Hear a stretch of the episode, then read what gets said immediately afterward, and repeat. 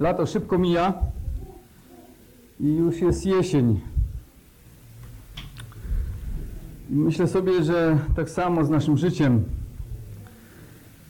Człowiek jest młody, wydaje się, że wiele lat przed nim, ale z czasem, gdy lata mijają, szybko mijają i że stoimy przed spotkaniem z Bogiem. I Biblia mówi, że jesteśmy zobowiązani przygotować się na to spotkanie. I Pan chce, żebyśmy ciągle o nim pamiętali. I dzisiaj będziemy czytać dziewiąty rozdział Księgi Rodzaju, od pierwszego wiersza do siódmego. Zachęcam, żeby, jeśli mamy Biblię, żeby otworzyć, żeby śledzić tekst. I czytamy pierwszy wiersz dziewiątego rozdziału Księgi Rodzaju. I pobłogosławił Bóg Noego i synów jego i powiedział do nich, rozradzajcie się i rozmnażajcie i napełniajcie ziemię. A bojaź i lęk przed wami niech padnie na wszystkie zwierzęta ziemi i na wszelkie ptactwo niebios, na wszystko, co się rusza na ziemi i na wszystkie ryby morskie. Wszystko to oddane jest w ręce wasze. Wszystko, co się rusza i żyje, niech wam służy za pokarm, tak jak zielone jarzyny daje wam wszystko. Lecz nie będziecie jedli mięsa z duszą jego, to jest z krwią jego. Będę, będę też żądał krwi waszej, to jest dusz waszych, będę jej żądał od każdego zwierzęcia. A od człowieka będę żądał duszy człowieka za życie brata jego. Kto przelewa krew człowieka, tego krew przez człowieka będzie przelana, bo na obraz Boży uczynił człowieka. Wy zaś rozradzajcie się i rozmnażajcie. Niech zaroi się od was ziemia, niech was będzie dużo na nim. Pomodlę się, poproszę Pana Boga, żeby pomógł mi też tłumaczyć. Panie, bardzo dziękuję Ci, że mam taki przywilej, żeby tłumaczyć ten tekst, że możemy tu się gromadzić, żeby rozważać Twoje słowo. Pobłogosław dzisiaj i pomóż mi, aby to było jasne, zrozumiałe i tak jak modlił się brat Maciek ku zbudowaniu, pocieszeniu czy napomnieniu, tak jak sam chcesz. Amen. Pomyślmy chwilę o tym, jakby to było, gdybyśmy byli niemal ostatnimi ludźmi na Ziemi. Dzisiaj sporo jest takich filmów katastroficznych telewizji, gdzie była wojna nuklearna albo przyszła jakaś zaraza, pandemia, no i została garstka ludzi. Także łatwiej może odnaleźć nam się w tej sytuacji. I ci, którzy przeżyli, muszą się znaleźć w tej nowej rzeczywistości. I w takiej sytuacji znalazł się Noe ze swoją rodziną. Dość przytłaczająco. Wszyscy utonęli w wodach potopu, oprócz rodziny Noego i tego, co było z nim w arce. Ciężko sobie to wyobrazić, że on sam z rodziną jedyny został na całym świecie. Perspektywa zaczęcia nowej ludzkości i odpowiedzialność, jaka spoczywała na barkach Noego i jego rodziny, mogła być dość przytłaczająca. I tak jak powiedziałem ostatnio, pierwszą rzecz, jaką Noe robi, gdy wychodzi z arki, to uwielbia Boga, dziękując Mu za ocalenie. Noe wie, że bez Boga to się nie uda. Nie uda się zaczęcie nowej ludzkości. Nie uda się odrodzenie tego stworzenia. Tylko Bóg ma taką moc, żeby pobłogosławić, żeby ochronić, żeby poprowadzić. To więc on modli się do Boga, szuka u Niego wsparcia, szuka u Niego siły, szuka u Niego mocy. Bóg w jego życiu jest na pierwszym miejscu. Nie ma pretensji Noe do Boga, że ukarał cały świat, bo wie, że świat na to zasługiwał. Wie, że nawet on sam nie zasługiwał na ocalenie i jest ono z łaski, bo uwierzył Bogu. Mówiliśmy o tym ostatnio, że składał Panu ofiary całopalne, które wyrażają całkowite poddanie, uwielbienie i przyznanie się do własnego grzechu. Więc Noe nie ma wątpliwości, że jest grzesznym człowiekiem. Też nie zasługiwał na ocalenie. Po prostu Bóg okazał mu łaskę. W odpowiedzi na to Bóg błogosławi nowej ludzkości i zawiera z Noem przymierze, które jest przymierzem z całą ludzkością, a Noe jest jej reprezentantem. Po pierwsze, Bóg błogosławi Noemu i nowej ludzkości, mówiąc: Rozradzajcie się i rozmnażajcie i napełniajcie ziemię. I pobłogosławił Bóg Noego, pierwszy wiersz, i synów jego, i powiedział do nich: Rozradzajcie się i rozmnażajcie i napełniajcie ziemię. Później jeszcze jest to powtórzone w siódmym wierszu. Wy zaś rozradzajcie się i rozmnażajcie. Niech zaroi się od was ziemia i niech was będzie dużo na niej. No więc jest to bardzo podobne do tego, co Bóg powiedział już w pierwszym rozdziale. Pamiętamy tam w 28 wierszu powiedział to również do Adama i Ewy, że mają się rozradzać rozmnażać, napełniać ziemię i czynić ją sobie poddaną. Z tą różnicą, pomyślcie o tym, że tam Bóg błogosławi w pierwszym rozdziale Księgi Rodzaju ludzkości jeszcze przed upadkiem. To jest ludzkość, która nie zgrzeszyła. Ludzkość, która jest niewinna. A tutaj Bóg błogosławi jakiej ludzkości? Grzesznej ludzkości. Zobaczcie, tam Bóg błogosławi ludzkości, która jeszcze nie zgrzeszyła, a tu Bóg błogosławi grzesznej ludzkości. Bóg wie, że ludzkość będzie grzeszyć. Pamiętacie ósmy rozdział, czytaliśmy Księgi Rodzaju, 21 wiersz, że jak Noe złożył ofiarę, to Bóg powiedział, że nie będzie już przeklinał ziemi z powodu człowieka, gdyż myśli serca ludzkiego są złe od młodości jego, nie będę też już nigdy niszczył żadnej istoty żyjącej, jak to uczyniłem, dopóki ziemia istnieć będzie, nie ustaną siew i żniwo, zimno i gorąco, lato i zima, dzień i noc. Czyli Bóg wie, że ludzkość się nie zmieni. Ludzkość jakoś nie będzie święta, lepsza po tym, jak Noe wyszedł z arki i raptem ze sprawiedliwego Noego urodzą się sprawiedliwi synowie, a z ich synów kolejni sprawiedliwi i nie będą już grzeszyć. Zobaczmy, że Bóg postanowił okazywać łaskę ludzkości pomimo jej grzeszności. Nazywa się to powszechną łaską, aż do dnia sądu, który przyjdzie na świat wraz z powrotem Chrystusa. Apostoł Paweł w Dziejach Apostolskich w 17 rozdziale mówi, w 30 wierszu, Bóg wprawdzie puszczał płazem czasy niewiedzy, teraz jednak wzywa wszędzie wszystkich ludzi, aby się upamiętali, czyli z tym dniem, kiedy Jezus przyszedł na świat. Prawda? Ale to, że Bóg puszczał płazem czasy niewiedzy, to nie znaczy, że Bóg nie będzie sądził ludzi. To znaczy, że Bóg postanowił okazywać ludziom łaskę do dnia sądu, kiedy wszyscy ludzie zmartwychwstaną i po prostu osądzi ich za ich grzechy. Także w liście do Rzymian w trzecim rozdziale apostoł Paweł mówi, że Bóg cierpliwie odnosił się do przedtem popełnianych grzechów. Czyli od dnia wyjścia Noego z Arki Bóg postanowił być cierpliwy i okazywać ludziom powszechną łaskę pomimo ich grzeszności. Czyli nie karać ich od razu za grzech, ale odsunąć sąd do dnia powrotu Pana Jezusa Chrystusa. Czasami może myślicie, ja przynajmniej tak myślę czasami, jak widzę szczególnie bezbożnych ludzi, to ciężko mi wytłumaczyć, dlaczego Bóg na to pozwala.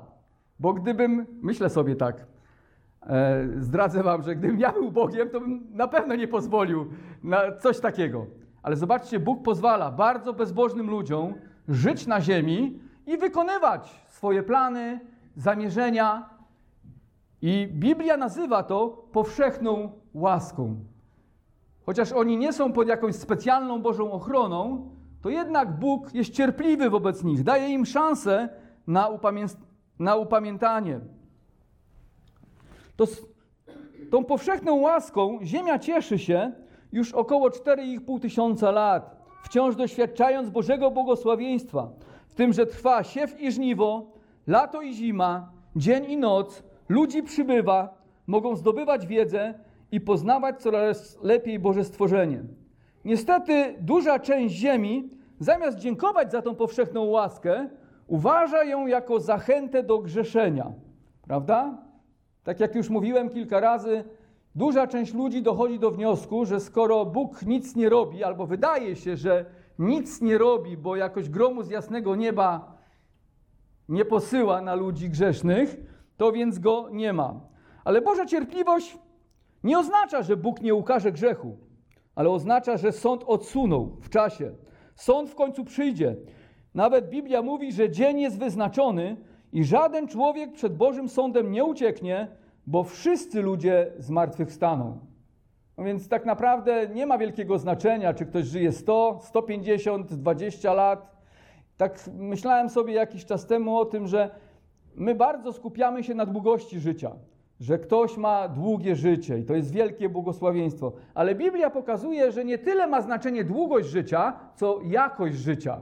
Nie jak długo żyjesz, ale jak żyjesz. Czyli co zrobiłeś z tymi latami, które Bóg ci dał, żeby. E, e, co zrobi, jak wykorzystałeś te lata, które Bóg ci dał, i że powinniśmy przez te lata chwalić Boga.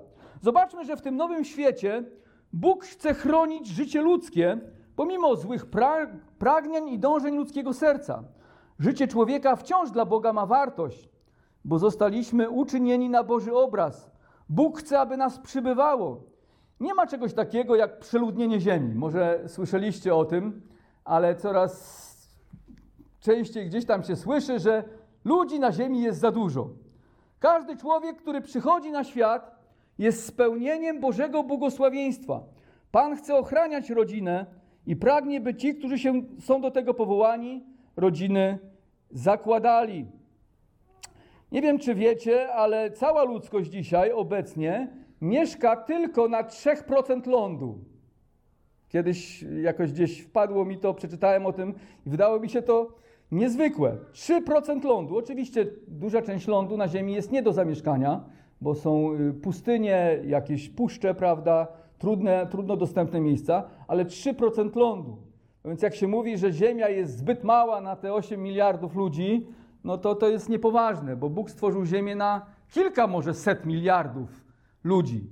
Oczywiście duża część, tak jak mówiłem, zajmują, e, zajmuje woda. Na wodzie też trudno mieszkać. Ale mówię, nie ma czegoś takiego jak przeludnienie ziemi. Bóg chce błogosławić ludzi, aby ich przybywało.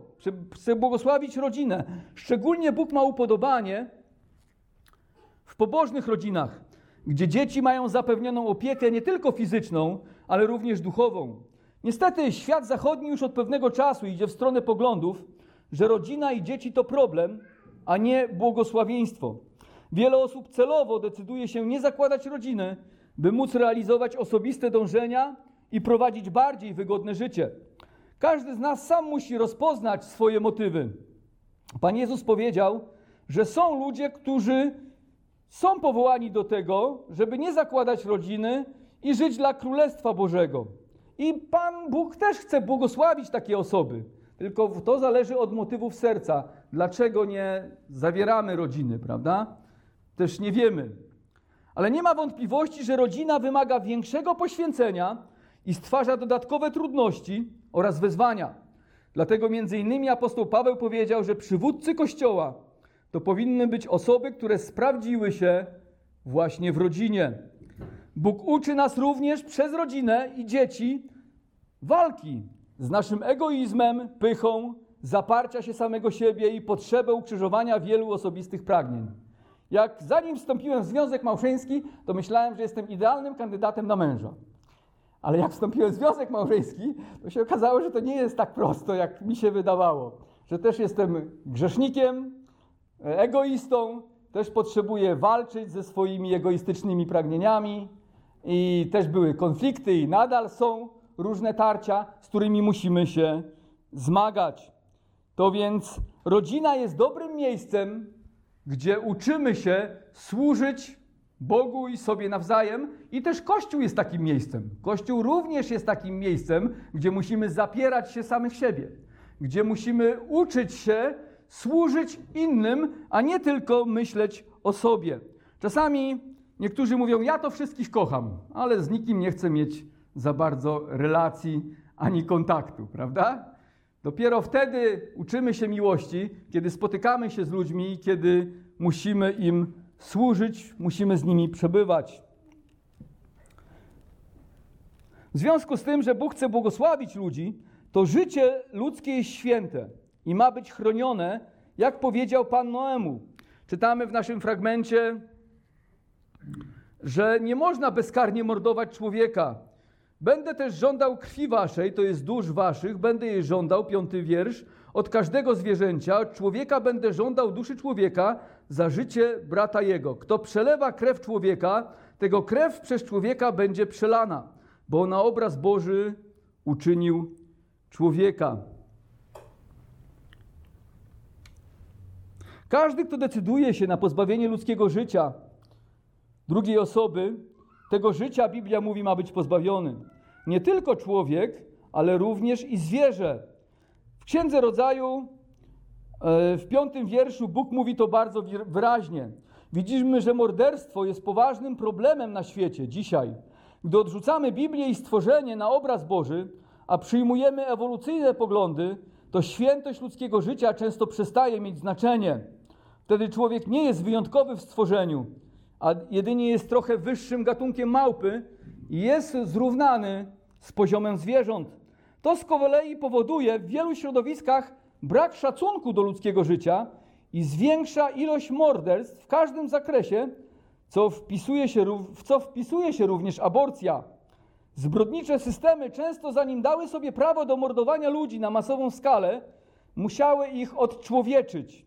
Nazywając ludzi jak? Pamiętacie? Na przykład robakami, gnidami, numerami, produktami ewolucji, zwierzętami.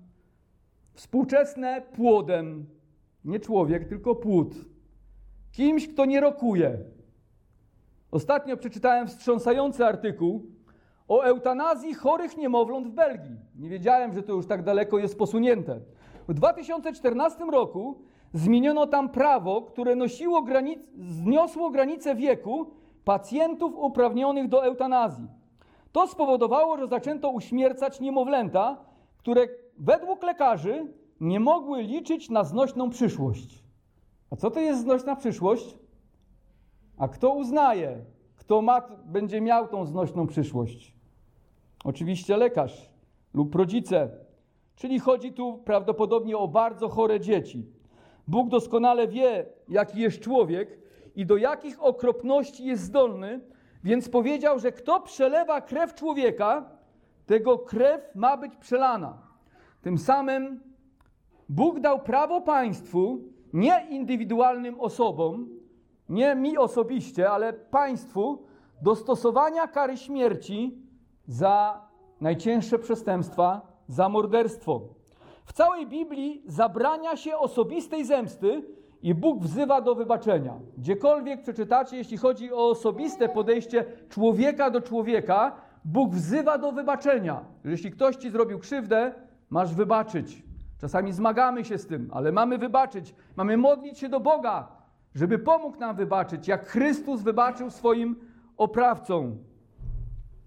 Ale Bóg nakazuje zemstę społeczną. Nakazuje, że państwo ma wymierzać sprawiedliwość. Zadaniem kary śmierci za morderstwo jest podkreślać, jak życie ludzkie jest cenne i ma ona odstraszać morderców od chęci odebrania drugiemu człowiekowi życia. Drodzy, wartość, jaką przypisujemy czemuś, odzwierciedla się w tym, ile to kosztuje. Podam przykład. Dla przykładu, jeśli zapłacę 50 tysięcy za samochód, to pokażę, że ten samochód jest na tyle cenny, ile trzeba czasu i pracy, żeby na niego zapracować. Jeśli odbiorę ci życie, a nasze społeczeństwo powie, że muszę spędzić 10 lat w więzieniu na koszt podatnika, będzie to odzwierciedlać wartość, jaką społeczeństwo przywiązuje do ludzkiego życia, a które wydaje się, że dzisiaj nie jest zbyt cenne. Często. Niestety wiele państw zrezygnowało z kary śmierci, argumentując jak na ironię ochroną ludzkiego życia. Ale czy to zmniejszyło ilość morderstw w społeczeństwie? Wątpię. Słowo Boże mówi, że z powodu ludzkiej grzeszności czynnikiem odstraszającym od zabójstw ma być kara pozbawienia życia za morderstwo. To prawo jest powtórzone w innych miejscach Biblii. Gdy Bóg nadawał prawo Izraelowi, to wyraźnie określił przepisy skazywania na śmierć za morderstwo. Nie każde pozbawienie życia było morderstwem, ale każde celowe i umyślne morderstwo zasługiwało na karę śmierci. Zwróćmy uwagę na Księgę Wyjścia. Księga Wyjścia, albo w Bibliach Warszawskich druga Księga Mojżeszowa, 21 rozdział od 12 wiersza do 14. Czytamy tak. Kto tak uderzy człowieka, że ten umrze, poniesie śmierć. Jeżeli na niego nie czyhał, ale to Bóg zdarzył, że wpadł mu pod rękę, wyznaczę ci miejsce, do którego będzie mógł uciec. Jeżeli ktoś zostawia na bliźniego swego zasadzkę, by go podstępnie zabić, to weźmiesz go nawet od ołtarza mojego, by go ukarać śmiercią. Zauważmy, że nawet gdyby taki człowiek, morderca, który czyhał na drugiego, schronił się przy ołtarzu, w miejscu świętym, gdzie nie wolno było wchodzić zwykłemu człowiekowi, żeby nie narazić się na bluźnierstwo, na, nie zbezcześcić Bożej świętości, to tutaj jest powiedziane, że gdyby taki człowiek schronił się przy ołtarzu, to nawet stamtąd, mówi Bóg, masz go zabrać i masz zgładzić go, masz odebrać mu życie za, to, że zamordował, masz ukarać go śmiercią. Jest jeszcze wiele miejsc w Starym Testamencie, które nakazują karę śmierci wobec morderstw. Ktoś może powiedzieć, że te prawa były dla Izraela. Owszem, ale prawa dane Noemu były dla całej ludzkości. W Nowym Testamencie Paweł, mówiąc o władzy świeckiej, w 13 rozdziale listu do Rzymian, nie kwestionuje prawa do odbierania życia za przestępstwa na to zasługujące, a wprost przeciwnie. Apostoł Paweł popiera karę śmierci. Pisząc, stosunku do, pisząc o stosunku chrześcijanina wobec władzy świeckiej, mówi tak. List do Rzymian, 13 rozdział, czwarty wiersz. Mówi tam o niesprzeciwianiu się władzy, że chrześcijanin nie powinien sprzeciwiać się władzy. Oczywiście chodzi tutaj o ten zakres posłuszeństwa, który nie jest przeciwko Słowu Bożemu. I mówi o władzy dalej tak w czwartym wierszu. Jest ona bowiem na służbie u Boga, tobie ku dobremu, ale jeśli czyni źle, bój się, bo nie na próżno miecz nosi. Wszak jest sługą Boga, który odpłaca w gniewie temu, co czyni źle. Władza sługą Boga nosi miecz i powinna odpłacać temu, kto czyni źle. W czasach rzymskich miecz raczej nie był do głaskania, ani pasowania tylko na rycerza, prawda? Ale odbierania życia. I Paweł mówi, że władza jest na służbie u Boga w tym celu, aby to czynić. Również w dziejach apostolskich w 25 rozdziale gdy Paweł jest w więzieniu w, Cezare, w Cezarei i ma kolejne przesłuchanie, tym razem przed rzymskim namiestnikiem Festusem, mówi w jedenastym wierszu, że jeśli uczynił coś zasługującego na śmierć, to nie wzbrania się umrzeć.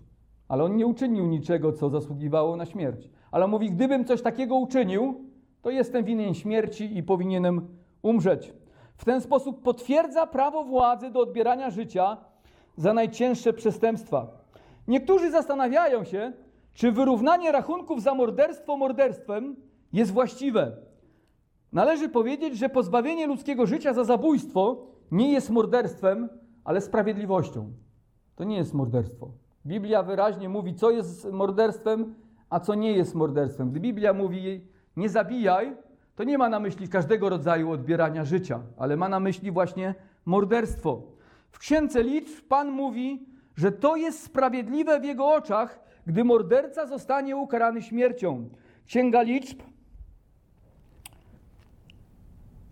to jest y, czwarta księga Mojżeszowa w Bibliach Warszawskich 35-33 i czytamy tak.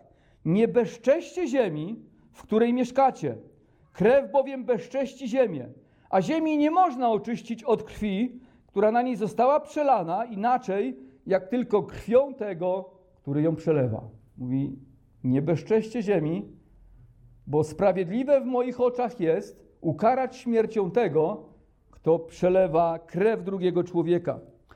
W prawie mojżeszowym było 35 przestępstw, za które była kara śmierci. Ale najgorszym rodzajem grzechu było celowe morderstwo. To było na samym szczycie. Celowe morderstwo. Morderca miał zostać ukarany śmiercią. Zakaz mordowania jest również jednym z dziesięciu przykazań. Warto tutaj wspomnieć, że nie każde pozbawienie życia właśnie jest morderstwem. Nie jest morderstwem pozbawienie życia w obronie własnej. Gdy bronisz swojej rodziny i swojego domu. Biblia mówi, że gdy złodziej wszedł do twojego domu i próbował cię okraść, a ty go zastałeś na kradzieży, prawda, i wdaliście się w, szamona, w, szam, w szamotaninę, albo uderzyłeś go czymś, nie jesteś winny morderstwa. Nie było morderstwem nieumyślne też odebranie życia. Poszłem z sąsiadem dziabać drzewo, siekiera z drąga spadła, uderzyła go w głowę i sąsiad zmarł. Tak? zdarzają się takie sytuacje. I Pan Bóg wyznaczył dla takich ludzi, którzy brali udział w takim incydencie, specjalne miasta schronienia, w których mogli się schronić i mściciel krwi, czyli rodzina, która chciała pomścić śmierć tego człowieka, w tych miastach schronienia nie mogła tego zrobić. Bóg tak rządził po prostu, że ten człowiek umarł. Ale jeśli było to pozbawienie życia w gniewie, złości, w nienawiści, zaplanowane w celu pozyskania korzyści, to morderca miał umrzeć. Nawet jeśli zwierzę pozbawiło życia człowieka, to miało być pozbawione życia, bo przekroczyło zakreślone dla siebie granice. Zamiast bać się ludzi, czytamy tutaj w naszym fragmencie, że Bóg rzucił przekleństwo albo błogosławieństwo, zależy jak na to spojrzymy, prawda, żeby zwierzęta bały się ludzi, to to zwierzę zabiło. Przeciwnicy kary śmierci mówią, że jest ona barbarzyńska. Ale czy nie jest tak, że to morderca był barbarzyńcą? Zabił niewinną osobę. Państwo pozbawia życia winnego, stając w ten sposób na straży prawa. To morderca pozbawia życia niewinną osobę. Państwo pozbawia życia winną osobę. A czy nie zdarzają się pomyłki? Ktoś zapyta. To jest taki często popularny argument. Przecież zdarzają się pomyłki w sądownictwie i cierpią kolejne niewinne osoby. Tak, zdarzają się. Nasze systemy prawne nie są doskonałe. Dlatego wyrok śmierci powinien dotyczyć tylko za takie morderstwa, które są ponad wszelką wątpliwość dokonane przez oskarżonego. Tam, gdzie istnieją wątpliwości, powinno się wstrzymywać on nadwyż, nadwyż, najwyższego wymiaru kary. Być może świat ze swym wadliwym systemem prawnym nie ukaże sprawiedliwie morderców, ale z pewnością uczyni to kiedyś Bóg. On jest doskonałym mścicielem krwi.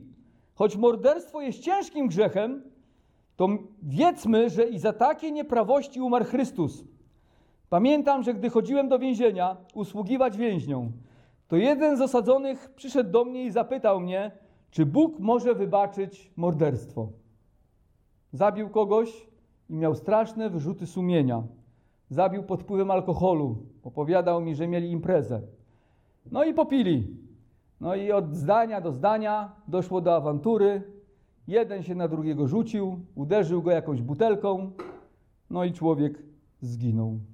Jak wytrzeźwiał, to już w więzieniu się ocknął. Czy Bóg może wybaczyć morderstwo? Tak, może, a nawet chce. Pod warunkiem, że będziemy pokutować i uwierzymy w Jego Syna. Krew Syna Bożego gładzi każdy grzech. Przypomnijmy sobie, że Bóg był gotowy wybaczyć morderstwo Żydom dokonane na Jezusie. W dziejach apostolskich w drugim rozdziale.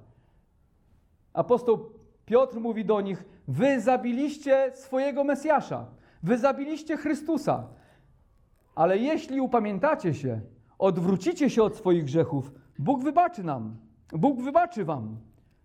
Skoro Bóg chciał wybaczyć ludziom śmierć zadaną Bożemu Synowi, tym bardziej chce wybaczyć każdą inną śmierć, pod warunkiem, że człowiek będzie pokutował, odwróci się od swoich grzechów i uwierzy w Chrystusa.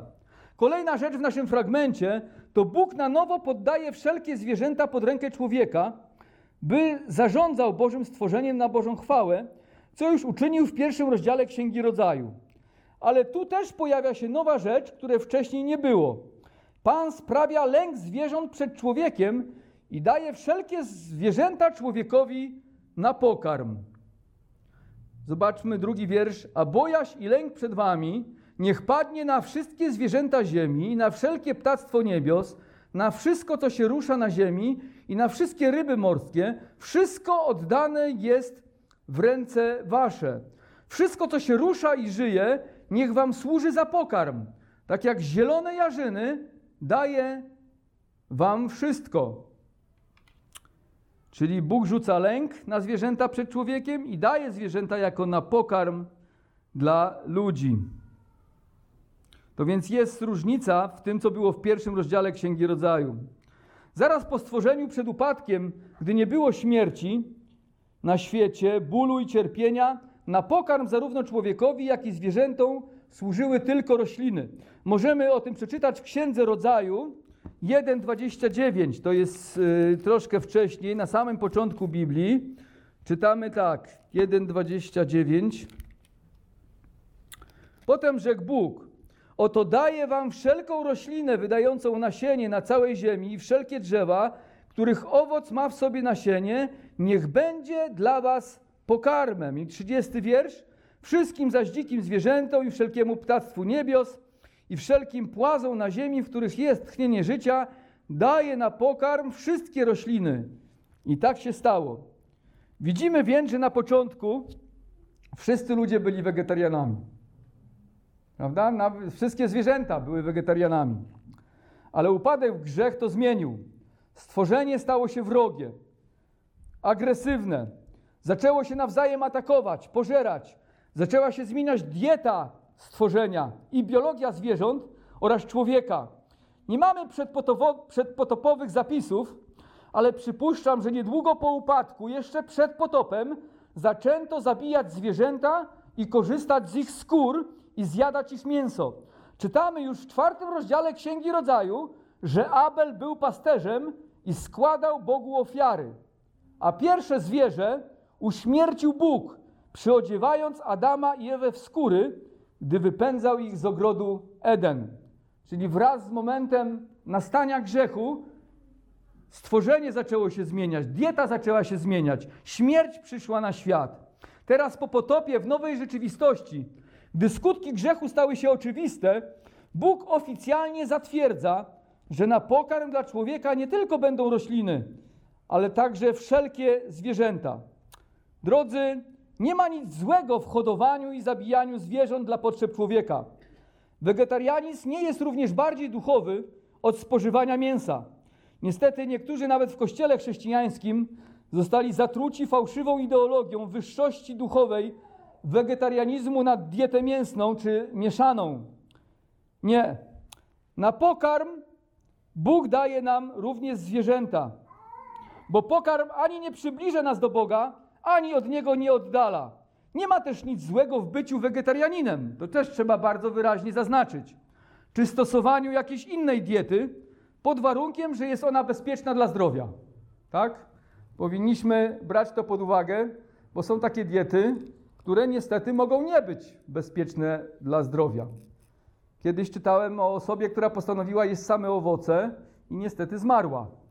Tak? Po jakimś tam czasie, bo nie dostarczała organizmowi wszystkich produktów, które organizm powinien otrzymywać. To więc dieta powinna być bezpieczna dla zdrowia. Problem pojawia się, gdy chrześcijanie zaczynają uduchawiać przepisy żywieniowe i w nich szukają swojego zbawienia zamiast w Chrystusie. Apostoł Paweł w pierwszym liście do Tymoteusza, w czwartym rozdziale, w czwartym wierszu mówi, że pojawią się zwodziciele, którzy będą zabraniać przyjmowania pokarmów, które stworzył Bóg, aby wierzący oraz ci, którzy poznali prawdę, pożywali je z dziękczynieniem. I dalej mówi Paweł, czwarty wiersz i piąty, bo wszystko, co stworzył Bóg, jest dobre i nie należy odrzucać niczego, co się przyjmuje z dziękczynieniem, ale bowiem zostają one poświęcone przez Słowo Boże i modlitwę. Wszystkie pokarmy zostają poświęcone przez Słowo Boże i modlitwę. Pan Jezus powiedział w Ewangelii Mateusza w 15 rozdziale 11 wierszu, że nie to, co wchodzi do ust kala człowieka, ale to, co z ust wychodzi. Pokarm nie kala człowieka. Pokarm nie czyni człowieka nieczystym. Bóg daje nam zwierzęta na pożywienie. Mają one służyć, dostarczając jedzenie, odzienie, czy do pracy na pomoc człowiekowi. Oczywiście nie powinniśmy się nad nimi znęcać, ochraniać zagrożone gatunki i prowadzić hodowlę w znośnych warunkach. Ale pamiętajmy, że to zwierzęta mają służyć człowiek, człowiekowi, a nie odwrotnie. Obecnie jest wiele organizacji, które ten porządek chcą postawić na głowie i wmówić nam, że człowiek niczym nie różni się od zwierząt, a one same są naszymi młodszymi braćmi. Już nieraz słyszałem. Pojawiło się w ostatnich latach wiele ruchów walczących o prawa zwierząt, które domagają się zrównania praw zwierząt z ludzkimi. Chcą, by za znieważenie zwierzęcia czy potraktowanie go w nieodpowiedni sposób lub niezapewnienie mu odpowiednich warunków bytowych były takie same kary, jak w przypadku krzywdy zadanej człowiekowi. No i dochodzi do takich absurdów, że jak ktoś źle potraktował psa, dostał kilka lat więzienia. Jak źle potraktował człowieka, dostał podobnie. Tak? Też kilka lat więzienia. Oczywiście znęcanie jest złe, to trzeba jasno powiedzieć i powinno się za to odpowiednio karać, ale jeśli podobne wyroki są za zadawanie krzywdy zwierzęciu i człowiekowi, no to coś jest nie tak. Albo cenimy za mało życie człowieka, albo za dużo, za wysoko cenimy życie zwierząt. U fundamentów tych wszystkich organizacji często są poglądy ewolucyjne, twierdzące, że człowiek i zwierzę są na tym samym poziomie wartości. To oczywiście jest nieprawda, że człowiek został. To oczywiście jest, pra, jest nieprawda, że człowiek jest na tym samym poziomie wartości. Biblia mówi, że człowiek został stworzony na Boży obraz. Jest koroną stworzenia, jest najwyższy w stworzeniu, a całe stworzenie zostało poddane w jego ręce, a on ma nad nim panować. W niektórych fałszywych religiach zaczęto gloryfikować zwierzęta i uważać ich za święte, przypisując im boskie cechy, jak na przykład takie popularne krowa w Indiach, słoń w Tajlandii, jaguar w Meksyku czy tygrys w Chinach. Czasami dochodzi do takich absurdów, jak w Indiach, kiedy krowa jest tłusta, a człowiek leży obok, umiera z głodu i nikt mu nie pomoże. Ale krowa musi otrzymać swoje, bo jest święta. Prawda? Bóg również spowodował, że zwierzęta zaczęły lękać się człowieka jako istoty, która jest postawiona nad nimi. To również jest nowa rzecz, której nie było w raju. Po upadku, gdy przyroda stała się brutalna i agresywna, bliskie obcowanie ze zwierzętami mogło spowodować zagrożenie dla ludzi i dla zwierząt. Gdy zwierzęta boją się człowieka, trudniej ludziom nadużywać swojej władzy nad nimi i zadawać im bezmyślne cierpienie. Zabezpiecza to również człowieka, że w wyniku lęku zwierząt wobec nas trudniej zwierzętom skrzywdzić ludzi. Ciekawe jest to, że wszyscy badający dzikie zwierzęta mówią, że w zasadzie dziko żyjące zwierzęta boją się człowieka. Unikają człowieka. Czasami, jak e, miałem okazję rozmawiać z leśnikami, no i z dziećmi jeździliśmy gdzieś tam na jakieś obozy, i leśnicy mówili o wilkach. Często dzieci oczywiście, a czy wilki atakują człowieka? To jest takie standardowe pytanie, czy powinniśmy bać się wilków? No i leśnicy zawsze mówili, że wilk unika człowieka, boi się człowieka, nie chce być blisko człowieka. Atakuje tylko w ostateczności albo sprowokowany właśnie przez człowieka. I to jest ten świadectwo tego, że Bóg rzucił lęk na zwierzęta w stosunku do człowieka.